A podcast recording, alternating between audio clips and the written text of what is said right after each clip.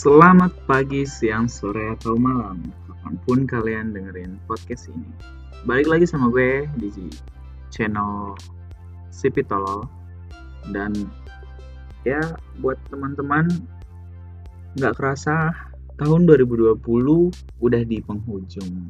Dan sangat amat sedikit kenangan yang bisa kita lalui di tahun 2020 Ya, tahun 2020 memiliki kesan tersendiri bagi siapa pun itu. Ada yang menganggap tahun 2020 adalah awal masuk sekolah atau kuliah, tapi dilakukan secara online. Ada yang berencana menikah di tahun 2020 dan mempersiapkan segala pesta, tapi harus dilakukan tanpa kerumunan karena pandemi. Bahkan ada yang berniat untuk berencana berangkat ke tanah suci untuk melakukan ibadah, tapi harus tertunda. Dan masih banyak lagi yang lainnya. Ya, semua orang pasti mengeluh dengan apa yang terjadi di tahun 2020. Semua orang mengeluh di sosial media. Sekarang sosial media adalah tempat untuk siapa pun yang ingin berpendapat atau mengeluh kesah.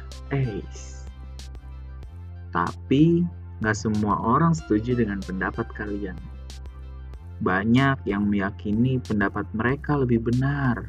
Dah, itulah yang bikin adanya pro dan kontra. Pro artinya adalah setuju dan kontra artinya tidak setuju. Apa sih? Dan kenapa gitu? Hmm, apa jangan-jangan dia orang yang close minded?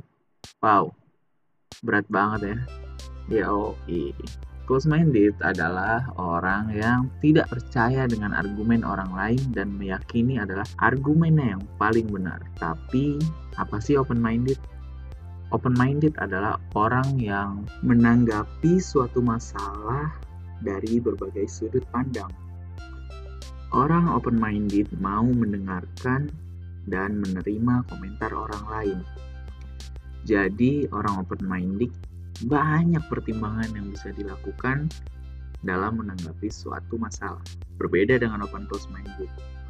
Orang close minded, orang yang kaku deh dan nggak mau berkembang, maunya punya dia yang paling benar dan yang lain salah.